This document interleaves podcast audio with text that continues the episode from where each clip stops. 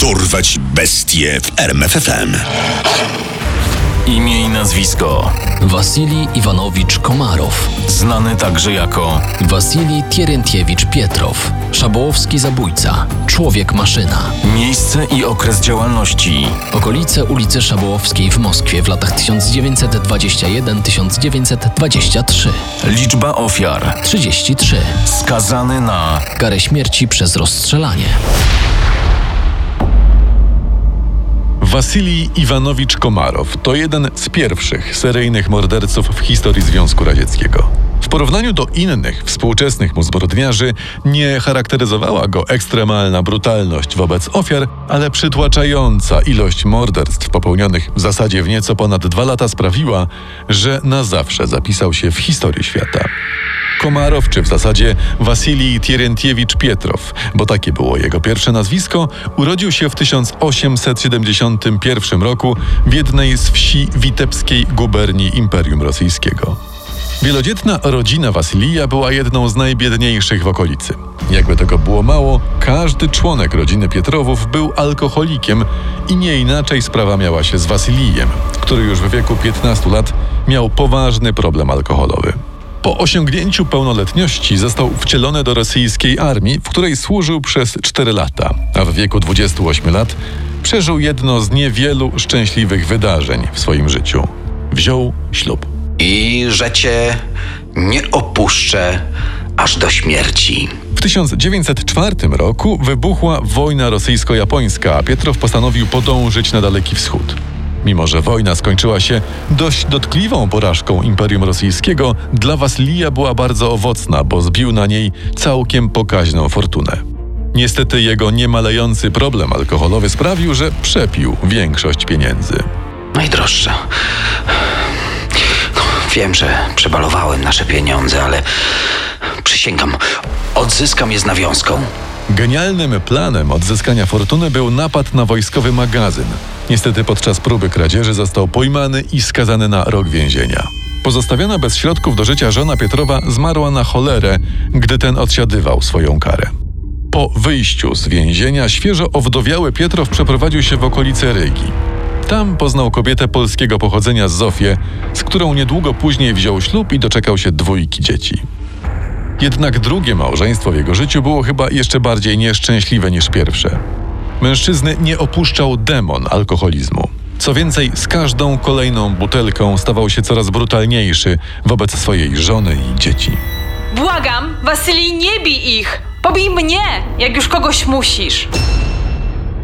Podczas I wojny światowej w 1915 roku, gdy wojska Cesarstwa Niemieckiego wkroczyły do obecnej Łotwy, Pietrow zdecydował się przeprowadzić swoją rodzinę na Powołże. Gdy dwa lata później Imperium Rosyjskie zaczęło chylić się ku upadkowi, oportunistyczny Wasilij dołączył do Armii Czerwonej i wziął udział w powstaniu listopadowym. Jako czerwonoarmista nauczył się czytać i pisać i dosłużył się rangi dowódcy plutonu. Podczas walk we wojnie domowej został jednak pojmany przez armię ochotniczą dowodzoną przez generała Antona Dienikina. Nie spędził jednak zbyt długiego czasu w niewoli i zbiegł, gdy tylko nadarzyła się okazja. Bojąc się jednak osądu Trybunału Rewolucyjnego, postanowił zmienić swoje nazwisko na Wasilij Iwanowicz Komarow. W 1920 roku, już pod nowym nazwiskiem, przeprowadził się z rodziną do Moskwy, konkretnie na ulicę Szabołowską 26.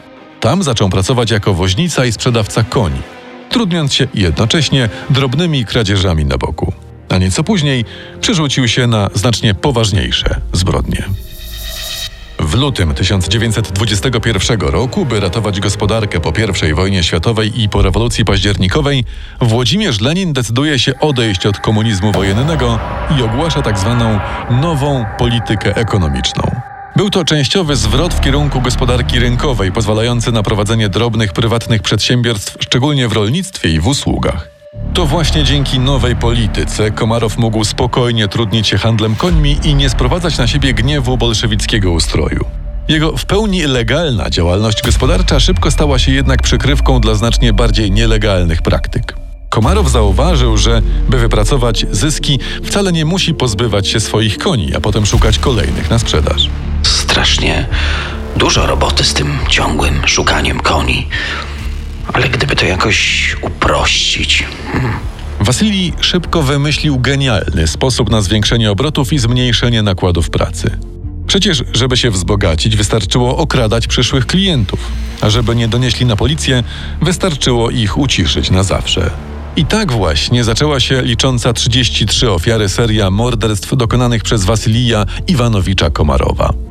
Wszystkie morderstwa przebiegały niemal identycznie. Komarow szedł na targ, gdzie usiłował znaleźć klienta chcącego kupić konia. Konia sprzedam tanio. Świetne uzębienie. Stan kopyt idealny, a silny jak trzy. Gdy udało mu się złapać kogoś na haczyk, zapraszał go do swojej stajni. Pokazywał konia na sprzedaż, a następnie częstował wódką, wznosząc toast za udany interes. Następnie rozluźnionego już alkoholem klienta tługł na śmierć za pomocą młotka lub podrzynał mu gardło. Potem zbierał wszystko, co cenne, a zwłoki chował do worka. Worek ze szczątkami zostawiał albo w stajni, tuż przy koniu, albo zakopywał w okolicy swojego domu lub też porzucał w rzece Moskwa. W ten sposób Wasylii postępował niemal przez cały 1921 rok, w którym zamordował aż 17 osób. Pewnego dnia w 1922 roku do stajni podczas morderstwa weszła żona Komarowa Zofia. Wasylija zdziwiła jej niezwykle spokojna reakcja. Robisz to dla pieniędzy, prawda? Dzięki temu naszej rodzinie żyje się lepiej, więc e, nie przeszkadza mi to. A jeśli kiedykolwiek będziesz potrzebował w tym pomocy, to jestem gotowa. Policja przez długi czas nie interesowała się tajemniczymi morderstwami. Potrzeba było 21 ofiar pojawiających się niemal jak w zegarku w większość czwartków i sobot roku. Dochodzenie to trwało niemal dwa lata, a Komarow wcale nie był głównym podejrzanym. Większość nieznających go zbyt blisko sąsiadów uważała go za szczęśliwie żonatego mężczyznę, któremu stosunkowo nieźle się powodzi i czasem lubi wypić. Tylko ci, którzy byli naprawdę blisko rodziny, wiedzieli w rzeczywistości o tym, że Wasylij jest oprawcą, który niejednokrotnie bił żonę i dzieci. Z kolei inni handlarze podziwiali jego żyłkę biznesową. Ten Komarow to jest niezły sprzedawca. E, Przychodzi na targ w każdą środę i piątek bez towaru i niemal zawsze wychodzi z klientem. Ja nie wiem, jak on to robi. Na początku 1923 roku policjanci zapukali do domu Komarowa. Panie Komarow, mamy doniesienia o nielegalnym alkoholu. Musimy się tu rozejrzeć. Pech chciał, że Komarow nie zdążył jeszcze pozbyć się ze swojej stajni ostatniej z ofiar, zamordowanej dosłownie kilka dni wcześniej. Funkcjonariuszy, którzy weszli do stajni, uderzył paskudny smród, a pod stertą ściana odkryli ciało. Wiedzącemu, co się święci, Wasylijowi udało się zwiać, wyskakując przez okno. Nie cieszył się on jednak zbyt długo swoją wolnością. 18 marca został zatrzymany na terenie obwodu moskiewskiego. Przeczuwając, że kara go nie ominie, podczas przesłuchań zdecydował się na współpracę, licząc na łagodniejszy wyrok. Zabiłem 33 osoby.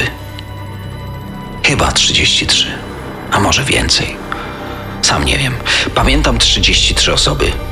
Mogę pokazać wam, gdzie porzuciłem ciała. Komarow zaprowadził policję do sześciu z dwunastu nieodkrytych ciał. Pozostałych nawet on nie był w stanie odszukać. Podczas procesu, nadal licząc na łagodniejszy wyrok, próbował umniejszyć wagę swoich zbrodni, podkreślając, że mordował wyłącznie w celach rabunkowych. Co więcej, na ofiary wybierał spekulantów, którzy próbowali wykorzystywać biedny proletariat. Przed sądem stanęła także jego żona Zofia, ponieważ śledczy uznali, że niemożliwym byłoby dokonanie tylu morderstw w pobliżu ich domu bez jej wiedzy. Oczekując na ostateczny wyrok w więzieniu, Komarow trzykrotnie bezskutecznie próbował popełnić samobójstwo. W końcu zarówno Wasylii, jak i jego żona usłyszeli wyrok. Sąd skazuje was na rozstrzelanie przed plutonem egzekucyjnym. Wasylij Iwanowicz Komarow i jego żona Zofia zostali rozstrzelani 18 czerwca 1923 roku. Poznaj sekrety największych zbrodniarzy świata. Dorwać bestie w RMFFM.